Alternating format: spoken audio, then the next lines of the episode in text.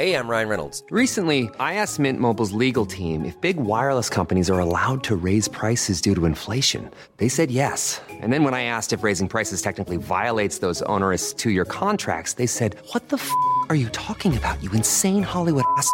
F- So to recap, we're cutting the price of Mint Unlimited from $30 a month to just $15 a month. Give it a try at mintmobile.com slash switch. $45 upfront for three months plus taxes and fees. Promo rate for new customers for limited time. Unlimited more than 40 gigabytes per month. Slows. Full terms at mintmobile.com.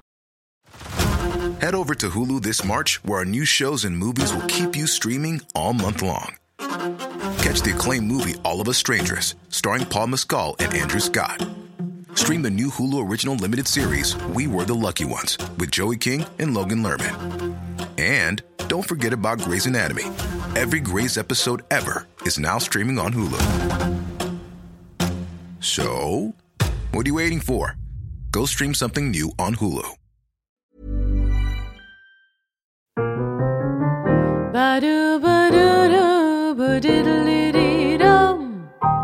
Kära lyssnare, kollegor, älskare och vänner. Välkomna till Burlesque-podden. Jag som ni hör här i etern heter Aurora Brännström och vi sitter på Custom Music Productions där vi har Andreas Hedberg som sköter ljud och redigering. Burlesque-podden produceras av Brännström och Lundgren Jazzproduktion HB. Varmt välkomna hit. Och varmt välkommen Åke, a.k.a. DJ Fashionasti. Tack så mycket. Kul att ha dig här. Kul att få vara här. Ja. Och eh, vi hade en liten diskussion här hur jag skulle presentera dig.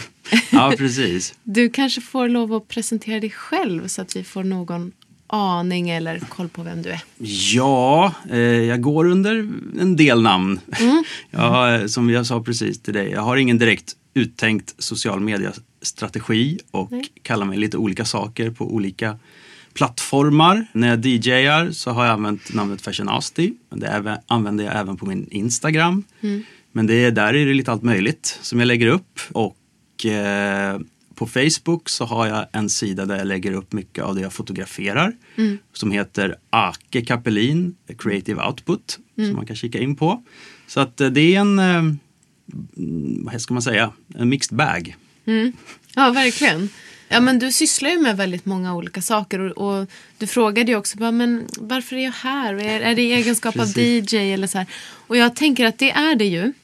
För du har ju spelat på till exempel Fraukes och på Decadence som DJ då. Men även liksom dina andra, alltså de andra delarna av dig eller dina alter egos eller allt vad du gör passar ju väldigt bra in som spår att prata om tänker jag. Så att du är inbjuden i egenskap av allt som är Ja, du. härligt. Hela jag får vara med. Ja, visst är det bra.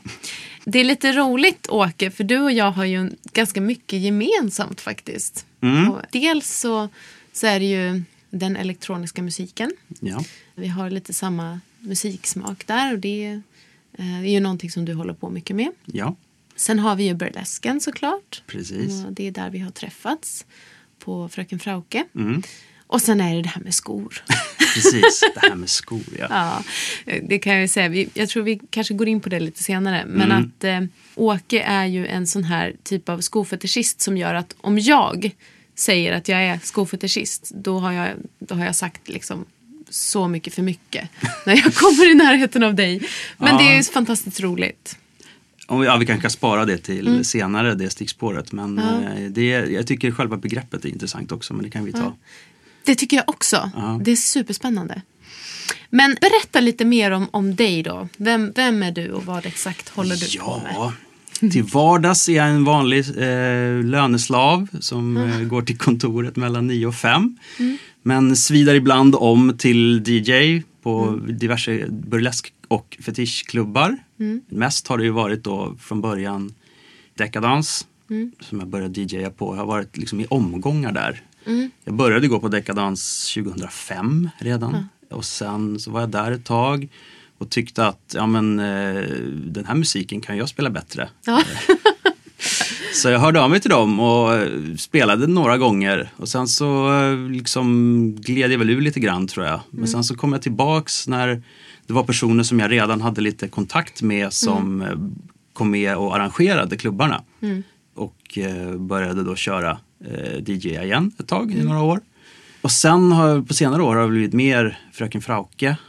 Och eh, har även fått möjligheten att spela två gånger på Vaudevillens när Just de har arrangerat sina klubbar. En Ja. gång på Södra Teatern och en gång i Umeå. Ja. Så eh, det är roligt. ja. Och ja, vad kan man säga mer? Du fotar Jag också. fotar, precis. Jag har fått, ja det ska man säga, jag är entusiast så, för där att fotografera dig Aurora. Ja. Och även eh, några andra artister inom Mm. burleskvärlden som Harley Quinn och eh, Miss Rita Regrets. Mm. Eh, och även hela Vaudevillens faktiskt. Just det. Och ehm, jag gillar att gå på Fröken Frauke. Det, Ja. Jag gillar liksom burleskkulturen och världen för eh, ja, jag skulle säga Fröken Frauke är den bästa klubben i stan, alla kategorier. Ja. För att det är en sån otrolig blandning av människor. Och det, jag har inte sett någon annanstans där människor lägger ner så mycket energi på att bidra till stämningen eh, med att klä upp sig och eh, planera outfits som passar temat. Och, för eh, går man bara någon annanstans så känns ju folk otroligt tråkiga.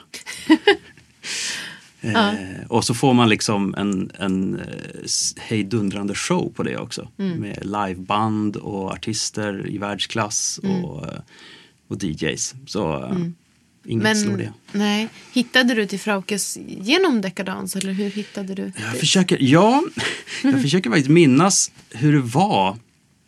Jag tror att jag hann aldrig gå på Frauke när de var på Pluto, hette det väl det som låg i Liljeholmen eller Mm. Just där vid det. Trekanten. Jag hörde talas om det. Mm. Och sen, jag tror om det var andra gången de körde på Stacken, heter det väl? Mm. Nalens liksom bakficka. Just det.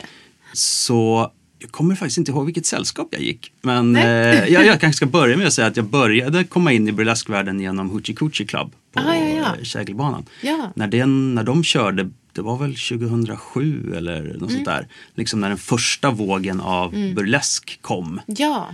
Så um, då gick jag ganska många gånger på den Mm. tills, ja, tills de la ner i princip. Och sen då så gick jag en eller två gånger på Frauke Mm. och sen så fick jag en idé om att jag skulle vara DJ där också. Ja. Så jag skrev till Fröken Frauke på Facebook och sa att jag, jag har en jättebra idé till ett tema för er klubb. Och, eh, men jag tänker inte avslöja det om jag inte jag får vara DJ på festen. Vad smart. Ja, och sen, men då, ja, då pratade vi lite om det och så förklarade jag det lite och då visade det sig att de hade faktiskt planerat ett, en klubb som låg inte så långt ifrån det som jag hade mitt förslag. Så, och då så fick jag ge lite exempel på vad, vad för slags musik jag hade, skulle vilja spela och sådär och, så, och då bokade de mig. Och på den vägen är det. Jag tror att det är Det var på den motsvarande då festen som kommer snart här i maj. Då, Men jag kommer inte riktigt ihåg för många år sedan det var. Om det var sex år sedan eller någonting. För jag tror att de, de firar ju nio år. De har ju redan fyllt när de det här släpps. När det här släpps har Ja. de redan fyllt. Men just det, för Frau, Frauke har ju så här års... en- de- Det måste ju ha varit när de började då. Så, Ja. så har de liksom födelsedag Precis. vid eh, maj. Ja. På den vägen var, har det blivit nu. Jag har spelat Mm. mest på nyårsfesterna faktiskt. Och det är de allra mest glamorösa och Ja, eh, liksom roligaste tycker jag. Och det har väl blivit, sen de började köra nyårsfester på Nalen Mm. i Stora salen så tror jag jag har spelat sex av fem Ja. event. Så, Vad häftigt. eller fem av sex menar jag då, Ja. såklart. sex ja. av fem. det Sex av... Ja, ja. Precis. Jävlar vad du har spelat. Ja, precis. Ja, det är bra jobbat liksom. Mm. Ja, men vad härligt. Så, men okej, så Hoochie Coochie Club var egentligen där du, precis. dit du hittade först då? Ja. Inom burlesken. Kände du till burlesken innan det?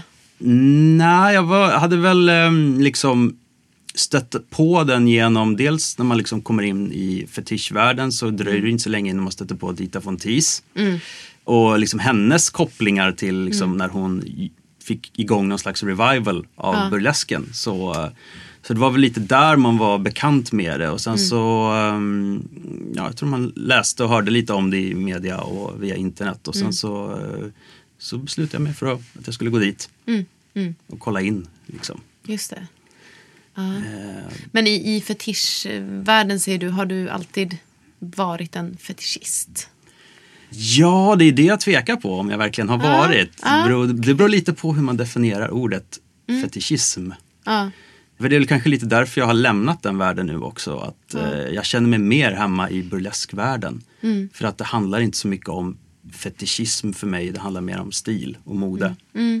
Lite därför också jag har tagit namnet Fashionasty. Jag vände bara på A och I i fashionista. Ja. Så, Just det. Jag har umgåtts med dig så mycket nu så att jag har nästan glömt bort att det, att det inte heter fashionati. precis. ja, verkligen så präntat in det. Mm.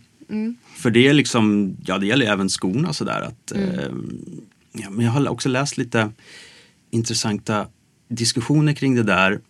Det finns en modehistoriker som heter Valerie Steele. Eh, som har pratat om freudiansk fetischism och marxistisk fetischism. Oj, vad spännande. Ja, och hon menar då i den här diskussionen att det är vanligare för kvinnor att då man överkonsumerar vissa objekt och grejer och investerar känslor i dem men man onanerar inte till dem. Ja. Det är då den mer marxistiska delen.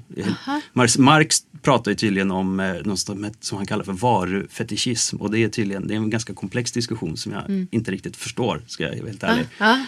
Eh, och då freudianska är väl då liksom det vi, det vi är vana vid, att när man snackar om det sexuella, eh, att man blir kåt av grejer. Ja. Och där, det är väl inte riktigt jag.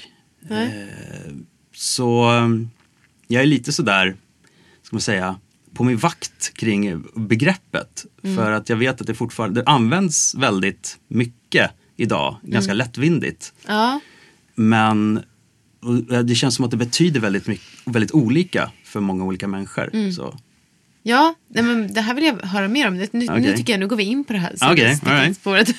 men, men, men alltså, det tror jag också. Att, att man kan prata om att vara fetischist mm, på så många plan. Eller att man, man slänger sig med det. Ja. Och, För just när det gäller skor så är det liksom, har ju varit en domän som associeras väldigt mycket med kvinnlighet. Och det finns ju vissa kvinnor som har enorma skosamlingar. Skulle man kalla dem skofetischister då? jag Eh, vet tänker inte. Så här, Imelda Marcos, hon hade väl över 3000 par skor eller något sånt där. Var hon, var hon skofetischist eller hade hon en passion? Eller var hon bara liksom, intresserad av skor? Var hon skogalen? Var hon en samlare? Liksom? Eh, men det blir ju genast lite sådär misstänksamt om en man liksom har Ja. eh, så pass mycket, speciellt högklackade skor. Då. Som du ju har. Som jag, ja inte riktigt lika mycket som Imelda Marcos då. Men, Nej, eh, men... jag är på god väg höll jag på att Ja, säga. precis. Nej, inte riktigt, men- Men det känns som att liksom, begreppet har kommit upp i ljuset på senare Mm. år. Mycket tror jag just genom att dekadans som rörelse eller som klubb har valt att inte skämmas för sig. Utan att Mm. Ja. Mm. liksom ha tagit upp hela det här, hela den här kinky-kulturen i dagsljuset och sagt Mm. att ja, men vi är här och vi skäms inte för vilka vi är. Mm.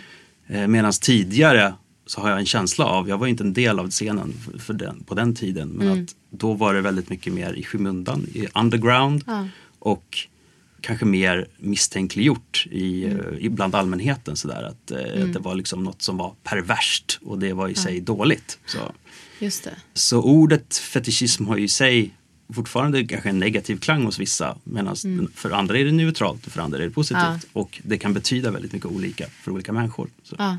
Men var skulle du ställa dig själv då i begreppsvärlden? Ja, alltså jag skulle väl säga att om man nu ska kalla det jag har för en fetisch så är det väl i- paritet med um, liksom, vilken många, liksom den passionen som många kvinnor har för, för skor. Det finns ju de man kan liksom se på Instagram som har en hel, ett hel skogarderob full med Louboutins. Och eh, jag vet inte om man skulle kalla dem för fetischister eller bara eh, att de är passionerade skoälskare. Liksom. Ja. Så, um, för att för mig utgår allt ifrån stilen och utseendet. Att man känner sig sexig, liksom, det är bara en biprodukt. Ja, ja. Nej, jag har också tänkt väldigt mycket på det där faktiskt. Jag, jag vet att eh, min mamma brukade skämta med mig när jag var i yngre tonåren. För då, ja, jag har alltid liksom älskat skor. Och jag, när, jag tror att då var jag mer insnöad på det också. Och la märke till folks skor och var väldigt så här. Och min mamma brukade då säga att jag var en skofetischist. Mm. Men på ett liksom lite sådär, du vet, moderligt, eh, lite skämtsamt, varmt sätt liksom. Ja, precis. Men att jag, jag vet inte riktigt hur jag själv tänkte på det begreppet. Nej. Och vad det var inneburit. Och jag vet inte vad det innebär än idag. För jag, jag blir inte heller kåt. Fast jag ska inte säga aldrig alltså. Jag har ju inte en lika gedigen samling som du. men, men jag går ju verkligen igång på ett par vackra skor på rätt person. Om man säger så. Mm. Inte skorna i sig kanske. Nej, det är också en intressant Ja. aspekt av det där att eh, Mm. eh, som det, det tror jag Valerie Steele diskuterade också i den här intervjun Mm. jag läste med henne att, att det kan vara dels kan det ju vara själva skon som man går igång på i sig men också Mm. för vissa är det, handlar det om idén om bäraren av skon. Ja. Eh, och då kommer man in lite på det här med mina liksom, teorier om, ska säga, om gre- begreppet glamour. Jaha. För att menar, om man ser en person, of, oftast är det då en kvinna man ser ute på Mm. stan som har väldigt höga klackar på sig. Då har hon ju gjort ett medvetet val att ha dem på sig. Mm. Och vi vet ju alla att höga klackar inte är de mest praktiska skorna Mm. att ha på sig. Så då har hon ju valt att sätta det visuella och det estetiska framför det praktiska. Ja. Och det är lite för mig definitionen av glamour. Ja, okej. Eh, När man liksom väljer det visuella och jag vill vara snygg snarare än jag vill vara bekväm. Och för vissa då kanske det är en, liksom en idé eller en fantasi om så här, ja den här kvinnan måste vara extra sexy för hon har valt att göra sig obekväm för att vara snygg. Medan andra då kanske bara liksom räcker med en sko för att de ska gå igång. Ja. Så. Just det, men då menar du att, att det liksom i den fetischistiska läggningen också kan ligga i att man tittar på en sko och föreställer sig Ja. det som ska ner i skon. Precis. liksom. Det finns ju vissa då kanske som är mera fotfetischister som kanske föredrar sandaletter och sådär som inte döljer foten men som ändå liksom visar upp den på ett smickrande sätt. Just det. Men eh, jag är väl sådär mer att eh, jag kan få det där pirret i magen när man ser ett par snygga skor. Men det är liksom kanske en tanke på hur det skulle kännas att ha dem på sig. Liksom. Ah, ja, hur ja. snygg jag skulle vara och vilka kläder jag skulle ha till de där skorna och hur det skulle kännas att gå i dem. Så. Ja. Ja, men det där kan jag relatera till. Så, så är ju jag också. Jag, jag tänker hjärtat ju... börjar klappa lite extra sådär. ja. Man bara känner, åh, måste ha.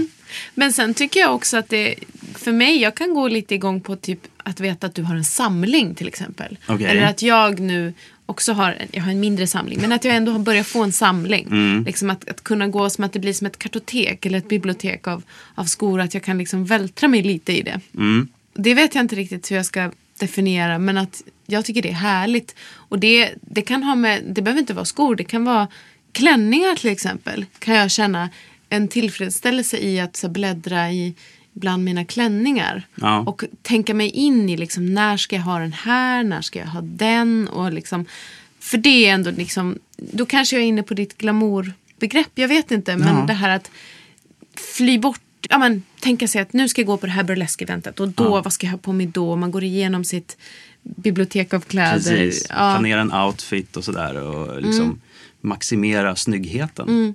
För det där, det kan, där kan jag känna verkligen att jag går igång på just det, den planeringen.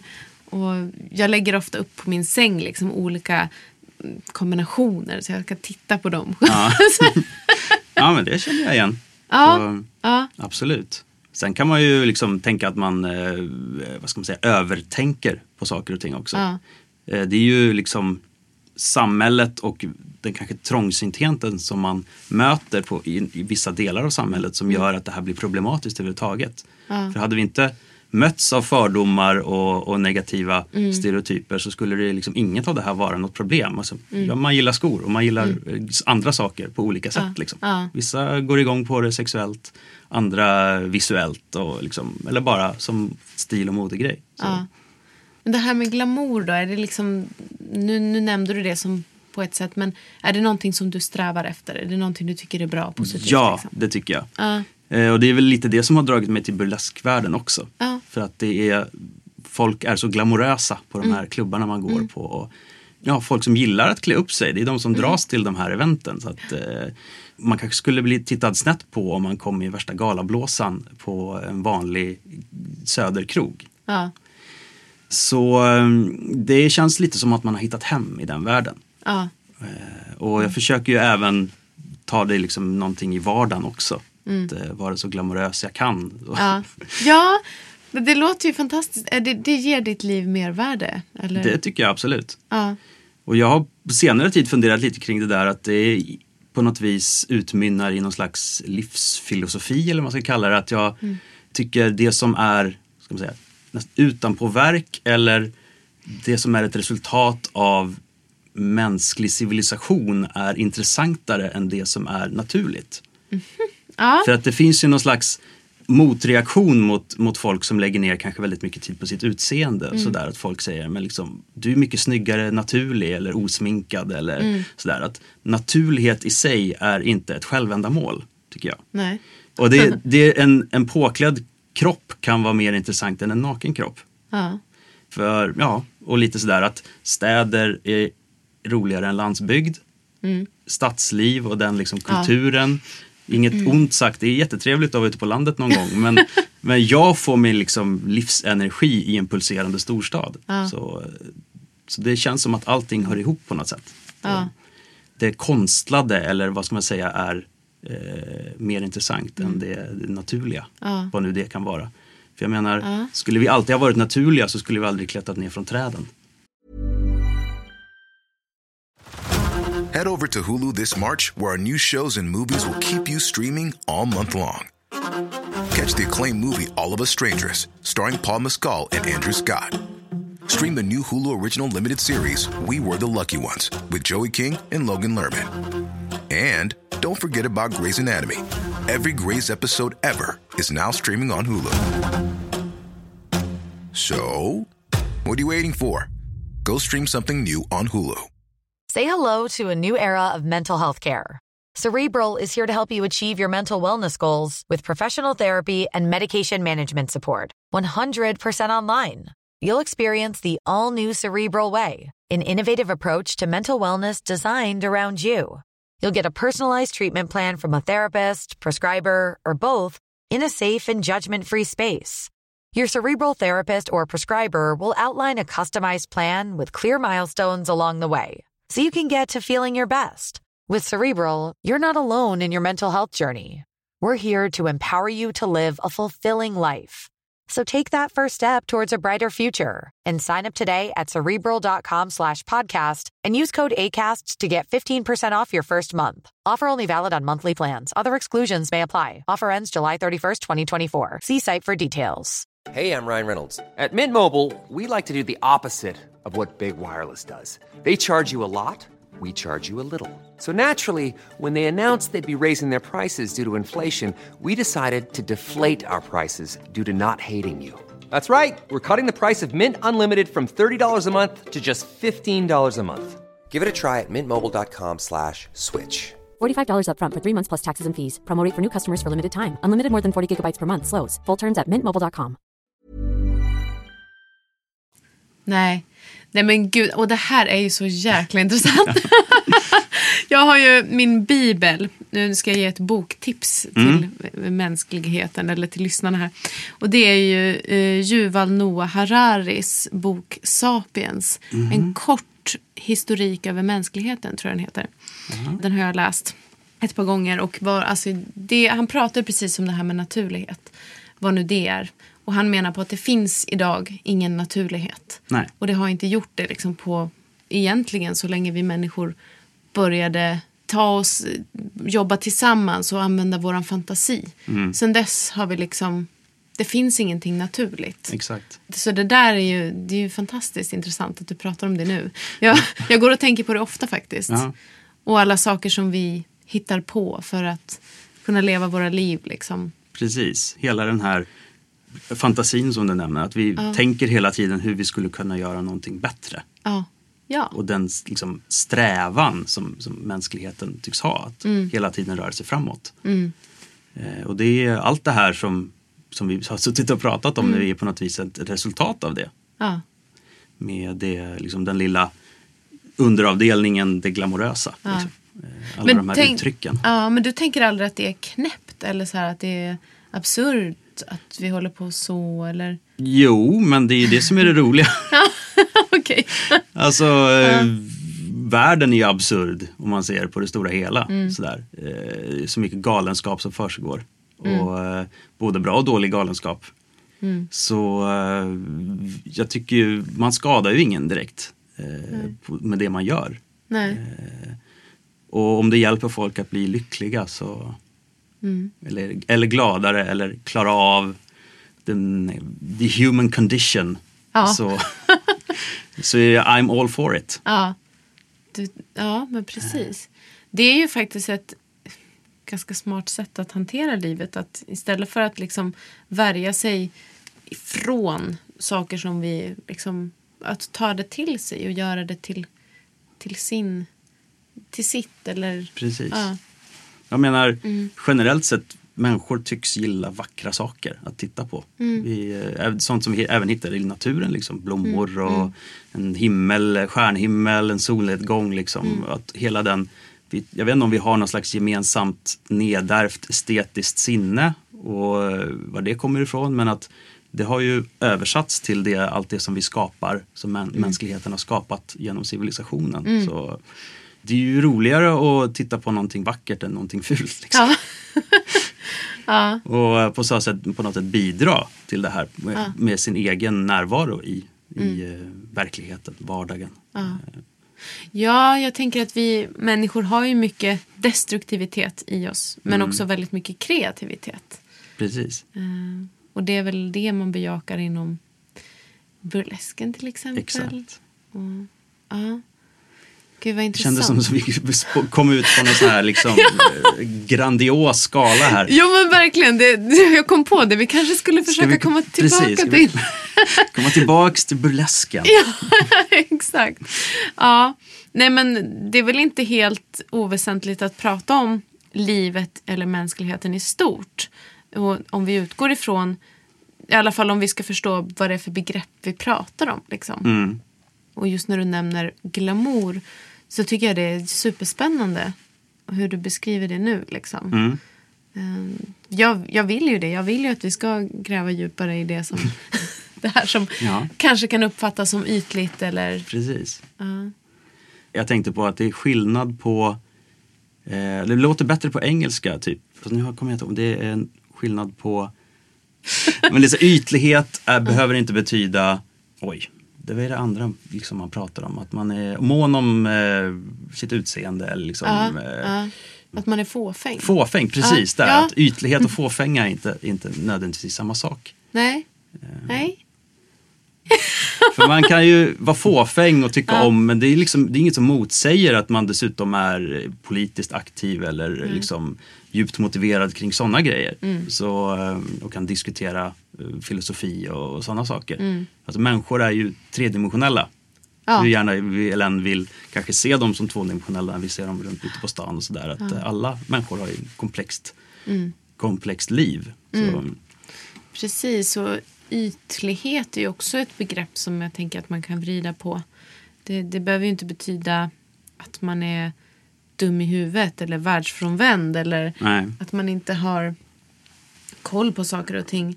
Det kan ju vara väldigt medvetet att man är ytlig Ja. också. Eller att man bryr sig om sin yta. Men då, det är fåfängan kanske som... Ja, det, det har ju en negativ klang på något sätt, ytlighet. Men det kanske inte behöver ha det. det mm.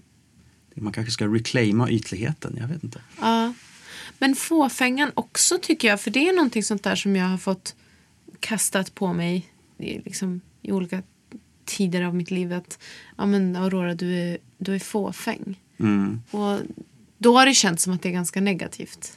Precis. Som att det betyder självupptagen kanske. Ja.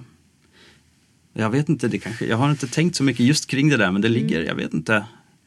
Eh, det finns ju kanske både negativa och positiva aspekter av det där. Eh, det är väl, om man bara kommer, till, när man kommer tillbaks eller kopplar det till liksom, det, det vi har pratat om när det gäller glamour så behöver det inte vara negativt. Om man, om man dessutom, förutom det, har ett rikt liv i övrigt så. Om det är det enda man pysslar med kanske och bara tänker på så kanske det är liksom negativt i det långa loppet. Det jag tänker på nu för att liksom koppla det till burlesken så, så tänker jag att eh, med, och även på liksom fetischklubbar kanske. Men, men just inom burlesken att man, vi som går är ju fåfänga till en Ja, men många är väl kanske det. Bryr sig och, Ja. och tycker om att klä upp oss och tycker om att, att vara vackra och glamorösa. Precis. Men att det också sker då, man går till en burleskklubb så, så kommer man ju in i, en, i ett sammanhang där vi också är väldigt generösa med varandra. Precis. Och att då är det ju inte, det är ju inte självupptaget då. Nej, det blir ju inte som en tävling. Det kan jag faktiskt uppleva lite skillnad mot fetischvärlden sådär. Att det känns lite, lite mer som att man går och visar upp sig men inte, liksom, man stödjer inte andra på samma sätt som i burleskvärlden. Där att det, är så mycket, det är så vanligt i, när man går på Frauke till exempel att eh, folk kommer fram och ger komplimanger för ens outfit och sådär. Att det är så, man är, folk är frikostiga med, med komplimanger och beröm och om man ser någon som har gjort något häftigt så är man inte liksom sen att gå fram och, och berätta det. Eh, och alla verkar tycka om det också, att få komplimanger för, eh, för hur de ser ut. Ja. Jo men de det är som att sig. man, man hittar sina själsfränder. Åh, du har också ansträngt dig och titta du, Precis. du har tänkt sådär, gud vad spännande liksom. Ja. Och speciellt när det är ett visst tema kanske som Mm. de ofta har. Och eh, när folk lägger ner väldigt mycket energi och tankekraft på att göra något häft, någon häftig outfit som, Mm. som liksom passar med temat. Så eh, nej, det är, det är liksom den en aspekt som, som jag gillar så mycket med burleskvärlden. Att Mm. eh, folk är så öppna och eh, liksom frikostiga, generösa och eh, oftast väldigt glada. Eh, Ja visst. och det är alltid sån blandning av folk från liksom samhällsklasser, åldrar, etniciteter. Jag tror inte man hittar en sån blandning eh, någon annanstans. I Klubb Stockholm Nej. eller Klubb Sverige till och med. Ja. Att det blir som nischat på olika ställen men just i burleskvärlden så kan alla komma, Ja. eh, komma tillsammans och eh, uppleva någonting. Precis. Och uppleva någonting större, mer, mer glamoröst. Alltså, Precis. vilket bra ord, vilket bra begrepp. Mm. Det blir liksom att jag kommer tillbaka till det hela tiden. Ja, Men ehm, ja, nej, men jag tycker det, det, det beskriver liksom den här världen på ett väldigt bra sätt. precis. Och så fotograferar du. Ja. Visst har du fotograferat på Fraukes också? Ja, jag har ju varit lite mingelfotograf. Ja. Mm. Ganska många gånger nu har det blivit. Börjar väl lite som, eh, kanske känns lite, lite pinsamt att erkänna, men att jag var eh, mellan jobb. Ja. Eh, fattig frilansare och eh, tänkte då höra om ja, men jag, jag kan komma och mingelfota i utbyte mot liksom en biljett. Att jag får komma in på klubben och fota och så mina bilder ger promotion till klubben. Så, så så har det varit några gånger när jag, när jag inte haft liksom pengarna att eh, betala själv. Eh, Men nu, de senaste gångerna nu när jag har ett eh, kontorsjobb och kan betala för mig, det är klart att jag vill stödja deras verksamhet och hela kulturen. Så, att, eh, eh, så nu har, jag ju mingelfotat men också liksom gjort rätt för mig kan man säga. Men det började lite så som, en, som ett billigt sätt att eh, kunna gå på klubben och man kan socialisera och att fota är en bra liksom, re- öppningsreplik för att börja prata med folk också. Så, eh, Just det.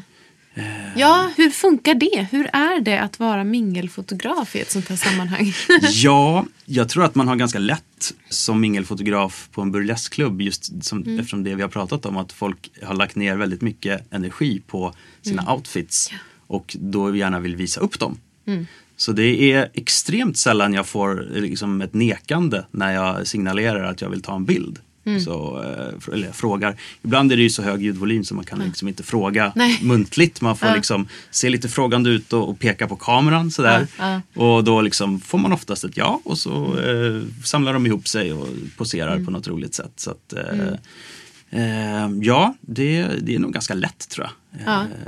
Ja. Just på grund av det visuella och, eh, och, och den biten. ja, så du brukar ha liksom en bra kväll när du även när du är där och jobbar eller Ja, absolut. Det har ofta varit väldigt roligt. Och väldigt svårt sen att välja ut de bästa bilderna som Ja. man har eh, fått tag på. och Just det har också varit som en övning så att jag har liksom övat mig att fota. För liksom både den tekniska biten och eh, den konstnärliga biten. Att eh, komponera bra bilder och sådär.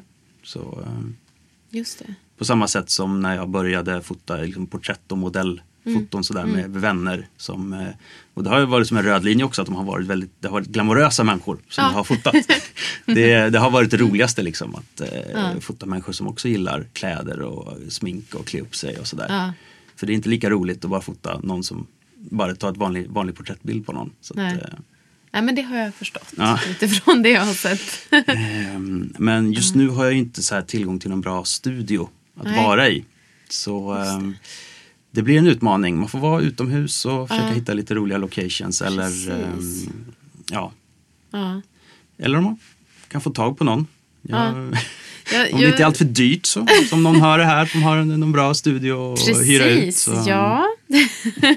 Då är det bara att höra av sig. Precis. Eller om man vill, vill bli fotograferad. Ja. ja, men du är väldigt duktig tycker jag. Du har ju tagit Ja, några mycket. riktigt fina bilder på mig då. Mm. Som, som vi Det, nämnde. det är så lätt. Äsch. Du är så fotogenisk. Så. Well, det är jag faktiskt. Nej då. ja, nej men eh, det, det är ju väldigt roligt. Du är ju inte artist, men jag tänker att det måste ju ändå vara en skillnad att vara alltså, fotograf bakom kameran, liksom, literally, och att vara DJ på något sätt ändå i, i rampljuset på de här klubbarna. Ja, alltså Känner du dig som olika Åke liksom, i de rollerna? Nej, jag har väl inte riktigt liksom, tänkt i de termerna att, att man ska gå in i någon slags persona eh, som varken fotograf eller DJ. Nej. Men eh, ja, alltså det har ju blivit att man har tagit sig ett DJ-namn på något sätt för att identifiera, ja den här musiken spelar jag eller jag vill att det ska associeras med den typen av musik som jag har kört på Frauke och andra burleskklubbar. Så jag hade ett annat DJ-namn när jag körde på Decadence till exempel. Så eh, vad, vad, okej, vad var jag på väg med den här? Jo, Men ifall du känner att du blir olika, tar, tar dig an en annan roll. Nej, inte riktigt så. Eh, Jag är fortfarande inte helt så här bekväm i rampljuset. Jag, är inte någon, jag Mhm. vet inte om jag skulle våga gå upp på en scen sådär. Nej. Eh, Även om man kanske har, känner en längtan ibland så. eh, Mm. Liksom, ja, man skulle säga att burleskpubliken är ju så otroligt snäll och stödjande Mm. för allt. Men för liksom, även bara när man blir presenterad, när man står i DJ-båset Mm. på Nalen och de från scenen liksom säger att ja, nu ska vi dansa till Fashion Nasty. Så, Mm. så är det lite sådär att man känner allas blickar på sig Ja. och jag blir, vet inte riktigt vad jag ska göra av mig. Men tycker inte du om det då? Du som, som ändå gillar att klä upp dig och liksom... Ja, det är rätt intressant egentligen. Ja. Jag är väl fortfarande ganska, eller lite självmedveten kanske man kan kalla det då. Ja. Men jag, kanske börjar, jag tror kanske att jag börjar lära mig lite och, och ta det där lite bättre. Men tidigare så har jag haft ganska dåligt självförtroende och dålig självkänsla.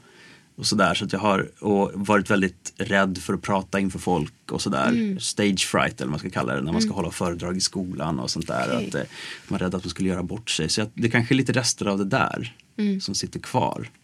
Eh, men eh, det är ju, burleskvärlden är ju en väldigt tacksam värld att jobba på det för att eftersom folk är så, eh, så liksom, publiken är så pass positiv och stödjande där. Ja.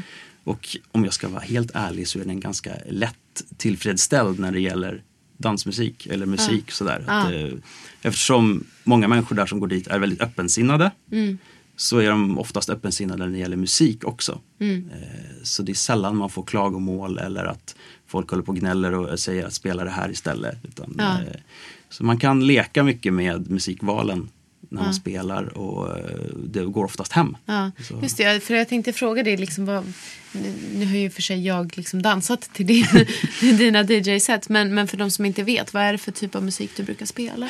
Ja, det, det började ju på något vis den första gången jag spelade på Frauke så, så var det ganska mycket det var lite latino-tema den gången. Så det blev ganska mycket så här eh, liksom klassisk vintage salsa, eh, mambo och bossa nova och sådana grejer. Eh, och det ligger mig fortfarande varmt om hjärtat. Men sen har det väl dels blivit mer blandat och dels in, kommit in på den här electro-swing-spåret. Att man har det lite som en bas men att man tar ut svängarna lite åt househållet också lite, lite såna här oddities, att konstiga saker som ingen räknade med att man skulle spela. Eh, och såna, och liksom för att försöka blanda in och göra det lite oförutsägbart. Eh, Ja, men till exempel när du har spelat på Decadence, då, då måste du ju liksom ta fram något helt annat. Precis, då har det ju varit ganska hård technomusik. Så liksom det som man kanske kan kalla för så här Berghain techno. För det är den känslan som de vill ha och det är också musik som ligger mig väldigt varmt om hjärtat. Så. Men jag har tänkt lite på det där att om man hårdrar det så alla de här genrerna, eller i alla fall när det gäller eh, techno och house Om man spårar dem bakåt så har ju de rötter i afroamerikansk musiktradition. Och till, går man tillräckligt långt bakåt så hamnar man i jazzen och swingen. Ja. Så eh, det, även om det kan låta väldigt annorlunda eller väldigt liksom, eh, när man lyssnar på det idag så på något vis jag hör den här liksom, historien i musiken också bakåt. Och eh, det handlar om svänget. Eh, Så länge musiken är svängig så, så kör jag den. Och, eh, det. det är liksom, går ända tillbaks till swingen så, och jazzen på 30-40-talet. Så. Ja. ja, men gud vad bra att du säger det där. För att det, jag håller ju på och sjunger jazz, men jag lyssnar ju nästan bara på techno privat. Liksom. Det, men, och jag har liksom aldrig sett någon, något konstigt i det. Eller Nej. så här, jag, jag har alltid bara tyckt att, ja men vadå? Det, jag gillar musik som, som jag blir glad av och som, som svänger som du säger. Precis. Vilket jag tänker att technon verkligen gör. Och jag lyssnar ju mycket på, liksom den, som du säger, Berghain-technon. Men också på mer liksom elektro som är ur techno men som är liksom lite finurlig. Brukar jag leta efter musik som är.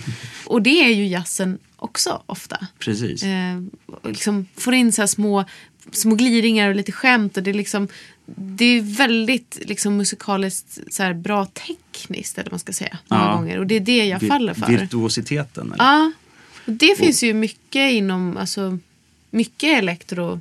Det finns ju många som är virtuoser, Ja. tänker jag. Det kanske är mer en virtuos när det gäller producering för att Ja. man spelar inte live på samma sätt som när man spelar Nej, jazz. Så. precis. Men, eh, jag har tänkt på det där att det kanske känns, jazzen känns idag väldigt som en gammal institution idag i, po, inom populärmusiken eller vad man ska kalla det. Att liksom Mm. Jo. jazz och bluesen är våra, våra ur, liksom, när det Ja. gäller musik. När det gäller all slags populärmusik idag egentligen. Ja. Så det är kanske en lite nästan dammig institution också. men, men på den tiden så var det ju avantgarde. Eh, liksom på 60 och 70-talet när de Mm. höll på och experimenterade med eh, liksom, eh, musikteori och tonalitet. Och, Ja. och kanske om de hade haft tillgång till eh, syntar på den tiden så hade Mm. de eh, experimenterat med sånt också. Visst. ser man bara på liksom musiker som typ Herbie Hancock som är en av mina Ja. stora idoler. Där, Som liksom började med modaljazz på 60-talet eller 50-talet till och med. Och sen liksom på f- 70-talet blev det fusion och funk och disco. Och sen på 80-talet elektro och liksom hela vägen. Han har alltid liksom experimenterat och hittat nya vägar. Så, eh, så liksom den nyfikenheten och lekfullheten som finns i jazz tycker jag liksom har på något vis sipprat vidare. i- Ja, men det, det är nog det jag menar. Och genom ja, hiphopen också på 70-talet och 80-talet och sådär. Så, Just det. Ja, men det där är ju superintressant. Sen, ja. så det är liksom, allt hänger ihop på något vis. Så länge det svänger. Så. Ja, okej, ja, men då, då förstår jag. Ja. Eller liksom, det, det har jag väl tänkt, men, men eh, jag förstår det bättre när du förklarar det. det Fan, det, det här är superkul att så här, vartenda ämne jag tar upp så har du liksom, du har verkligen tänkt. Du, du, ja. men du har en grund i, i allt som du gör, tänker jag. En grund att stå på som är större. Ja, jag kanske har det. det har liksom, Ja, det, det är i alla jag- fall det jag tänker just nu. Ja, det kanske stämmer. Jag, Ja. jag tänker en del. Ja. ja. Kanske ibland lite för mycket, jag vet inte. Men eh, det, det är roligt liksom att tänka på Mm. hur allt hänger ihop. Ja, jag är också en tänkare. Så det, det, är lite, det blir lite bekräftande också nu Ja. när jag sitter och pratar med dig. Att säga, ja, just det, vad bra, jag är inte ensam. Nej. Precis. Att eh, hantera livet på det sättet. Mm. Just det. Det, det är så många spår här, Åke, som bara Ja. kommer fram. Men precis, det- vi har ju faktiskt också gjort ett litet projekt tillsammans. Ja, precis. Ja. På min kammare på fritiden så pysslar jag en del med musik också. Att Ja. producera eget. Det har jag försökt i många år. Mm. Men sällan blivit tillräckligt nöjd med någonting för att det, Mm. jag ska vilja liksom släppa det till omvärlden.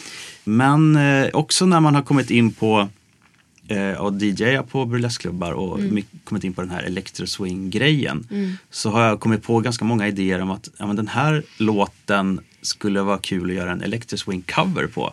Och det eh, hjälpte ju du mig med här Ja. innan jul. eh, med en liten, liten idé som jag fick angående Abbas Happy New Year. Jag tänkte att, för den har jag, när jag har spelat på nyårsfesterna på Frauke så har jag ibland avslutat med den. Ah. Eh, Så tänkte jag det vore roligt att göra den i danstempo istället. Ah, mm. Och som en eh, som om att den hade varit inspelad på 40-talet Mm. med en swingorkester och sen samplad och, Ja. och omgjord till eh, liksom en modern electroswing-grej. Så, men då behöver jag ju såklart någon som kan sjunga. För att jag är inte riktigt där än. Nej? Så ja, så du var eh, gracious enough, eller vad man ska säga, att, eh, Ja, att bistå min idé. Det var roligt. Och där, alltså den, den versionen är ju väldigt bra exempel på just det här som du precis har pratat om. Hur jazzen hänger ihop med, med den elektroniska musiken. Precis, faktiskt, ja. tycker jag. Det är ju som det, det du har sagt, kondenst. Mm. Liksom. Ja, det blir som en eh, perfekt smältdegel det där när man liksom plockar Mm. upp det gamla och, och, och liksom bakar ihop det med det nya. Mm. Så, eh, och att det är inte så mycket liksom, distans över generationerna Nej. musikaliskt heller. Att, eh, eh, det, det hänger ihop, det sitter Mm. ihop. Det var roligt att spela in den, ska jag tillägga. Det var roligt att få producera den också. Ja. Så, ehm, Det är häftigt hur en låt som liksom man är van att höra på ett sätt kan bli någonting helt nytt och fräscht och annat. mm, Bara genom att liksom ändra svänget på den eller... precis, eller tempot och, Tempot, och arrangemanget och, och sådär. Mm. Eh, Så det har ju givit mer smak så jag har liksom en hel del andra idéer som jag Mm. skulle vilja realisera framöver. Men det är med eh, eh, ett 9 till 5 jobb eller så till vardags så blir det inte alltid tid Mm. Nej. till det. Nej. Nej, jag så- tänkte säga det. Hur, hur har du tid med allt det här som du gör? Ja, det har jag väl inte egentligen. Det, får, det blir lite då och då sådär. Mm. Att, man får ta helger och ja, när man, när man väl kan. Så, Mm. eh, så, så här ska man säga, på, i ett realtidstempo känns det inte som att det händer speciellt mycket alls. Nej. Men tittar man bakåt sådär så har det ju det liksom, it adds up som Mm. man säger på engelska. Så det har liksom blivit en del när jag har liksom Ja. det, de arkiven eller man säga mer bildgallerier som jag har på min Facebook-sida och, Ja. och sådana grejer. Eh, och min Soundcloud och sådär. Ja. Så, Ja, Men du är ju väldigt engagerad i allt. Alla dina intressen eller allt det du tar dig för har jag förstått. Ja, det är nästan lite sådär att man önskar att man bara hade ett intresse. För då Ja. skulle man kunna lägga all tid på det. Nu är det så att man har så väldigt många olika intressen. Och då känner man oftast att man inte har tid till någonting. Mm. Jag Skulle, tänk om man bara var intresserad av musik, då skulle man kunna lä- liksom lägga all tid på det. Men eh, liksom, förutom det vi har pratat om, jag är ju sån här 3D-grafiknörd också. Skulle vilja ha tid att sitta och göra liksom, 3D-grejer och jag gillar ju det som jag jobbar med, liksom animation och motion graphics och sånt också. Eh, och filma. Jag är, jag har liksom, det är det naturliga steget från att ha fotat. Att man skulle vilja göra en liten kortfilm kanske och till slut liksom en långfilm. Eller, liksom, och klippa och allt det där. Men det, det, det blir ju så stora projekt och där, det klarar man inte ensam heller. Då måste man ju ha folk att jobba med. Ja. Liksom, folk som står framför kameran. Eh, Och en bra idé och hela den grejen. Så att, eh, och sen då musiken och eh, att eh, gå på klubb och fixa outfits. Det, det blir sällan jag faktiskt tar mig tid att liksom försöka gå in i temat när jag går på burleskklubb sådär eller frauke. För att, eh, ja nej, det, jag har inte riktigt den tiden tror jag. Nej. Jag ska försöka nu till den klubben som kommer eller som då har varit när Ja. det här släpps. Precis. Att försöka gå och följa temat lite grann i alla fall. Ja. Men eh, Mm. i vanliga fall så blir det mest att jag klär upp mig på något snyggt sätt. Men Mm. eh, Precis, för det kan man ju också göra. precis, det är Mm. ju inte så att man måste klä sig efter temat. Men eh, många gör det. Eller så klär de bara upp sig lite generellt sådär, lite Ja. glamoröst. Det är ju, för att återkomma till det, det är ju så kul att det är så få som kommer bara i jeans och t-shirt. Även Mm. om man skulle f- få det tror jag. Eller de har väl någon slags liten klädpolicy i dörren. Ja, jag vet inte riktigt hur det, hur det är om någon kommer. Det, det är så sällan det händer. Liksom. Ja. Det, det, klädkoden är ju s- ganska strikt ändå. Ja. Men ja, Jag märker skillnad på när det är burleskfestivalen. Mm. Att det är mer folk då som, som kanske inte brukar gå på klubben i vanliga fall utan de kommer för festivalens skull. Så det är mer vardagsklädda människor där med, med jeans och t-shirt eller bara någon vanlig liten klänning och sneakers. Mm. Liksom. Och där verkar ofta många gå direkt efter sista uppträdandet också. Det är färre som stannar Mm. kvar och dansar. Som när det, som, till skillnad från klubbarna. Där är det mer dedikerat folk som kommer och som verkligen är som, eh, inne i kulturen och, och eh, gillar klubben. Så. Mm. ja. Men ja, nej som sagt, det jag gör väldigt, väldigt mycket och då får man sällan tid till liksom, någonting riktigt på allting. Ändå så är ju liksom allt det du tar dig för ofta väldigt proffsigt utfört. Ja, tack jag. så mycket. Ja. men jag har väl lite den, liksom, det, den inställningen att eh, ska det göras så ska det göras bra. Ja. Inga halvmesyrer. Liksom allt ifrån hur jag klär mig till liksom, musiken jag producerar och bilderna jag tar. Ja. Eh, Jag vill, jag vill göra något bra. Men Det där är också en väldigt intressant diskussion man skulle kunna ha här också. Då en halvtimme. Mm. Men det, det där med liksom vad man har för ambitionsnivå. Ja, Och det liksom är också hur- ett sånt där ord som är lite baktalat, nämligen att Ja. vara pretentiös. Ja, varför får man inte vara det? Varför får man inte ha höga ambitioner? Eller, Eller pretensioner. Ja. Ja, för det, det är någonting som jag har hört också mycket genom livet. Att så här, men Aurora, du, du sätter för höga krav, du har för hög ribba, du liksom, det är för stora pretensioner med det här. Varför då? Ja. Det handlar väl snarare om att hantera livet utifrån det. För jag vill göra bra ifrån mig. Precis. Jag vill ha en hög ribba, jag vill satsa högt. Sikta mot stjärnorna och nå till trädtopparna. Ja. Hellre det än att lägga ner dem och liksom vara lite missnöjd. Ja, Ha tråkigt. Jag vet inte. precis. Nej, det, är, det blir ju roligare om man, eh, om man, om man liksom tar i lite tycker jag. Mm. Och, eh, Ja, faktiskt. det gäller ju, man får väl liksom, ska man säga, öva i hemlighet lite först. Mm. För att, inte, för att kunna liksom presentera något snyggt sen. Liksom. Alla, alla börjar vi ju någonstans. Så, Mm. eh, Nej, det jag har kommit fram till i liksom all min vånda och mina funderingar kring just det är att jag tror att det jag behöver bli bättre på är att be om hjälp. Eh, för det kan ju ligga lite i det också att ja, jag har hög, höga krav men jag, och jag måste göra det själv också. Men att det skulle ju bli lättare om jag kunde liksom, det- jag vill inte kanske, jag menar inte att jag ska be om hjälp med det jag gör utan hjälp runt omkring. ja, Livet övrigt. Att liksom, stöd. ja, stöd i livet så att man orkar fortsätta Precis. och ha de här... Du har ju väldigt många, du har ju liksom mycket annat runt dig som folk Mm. som är beroende av dig på ett sätt. Liksom, Du har ju familj och barn. Så eh, jag har ju det lättare på det sättet. För det är inte Mm. så många andra som, som är avhängiga av, av liksom att jag finns där för dem. Eh. Så jag kan ju gå mer all in på mina egna intressen. Så, så det är ju, jag, först, jag kan gissa att familjelivet liksom är väldigt, eh, tar mycket i anspråk. Ja, det, det gör det.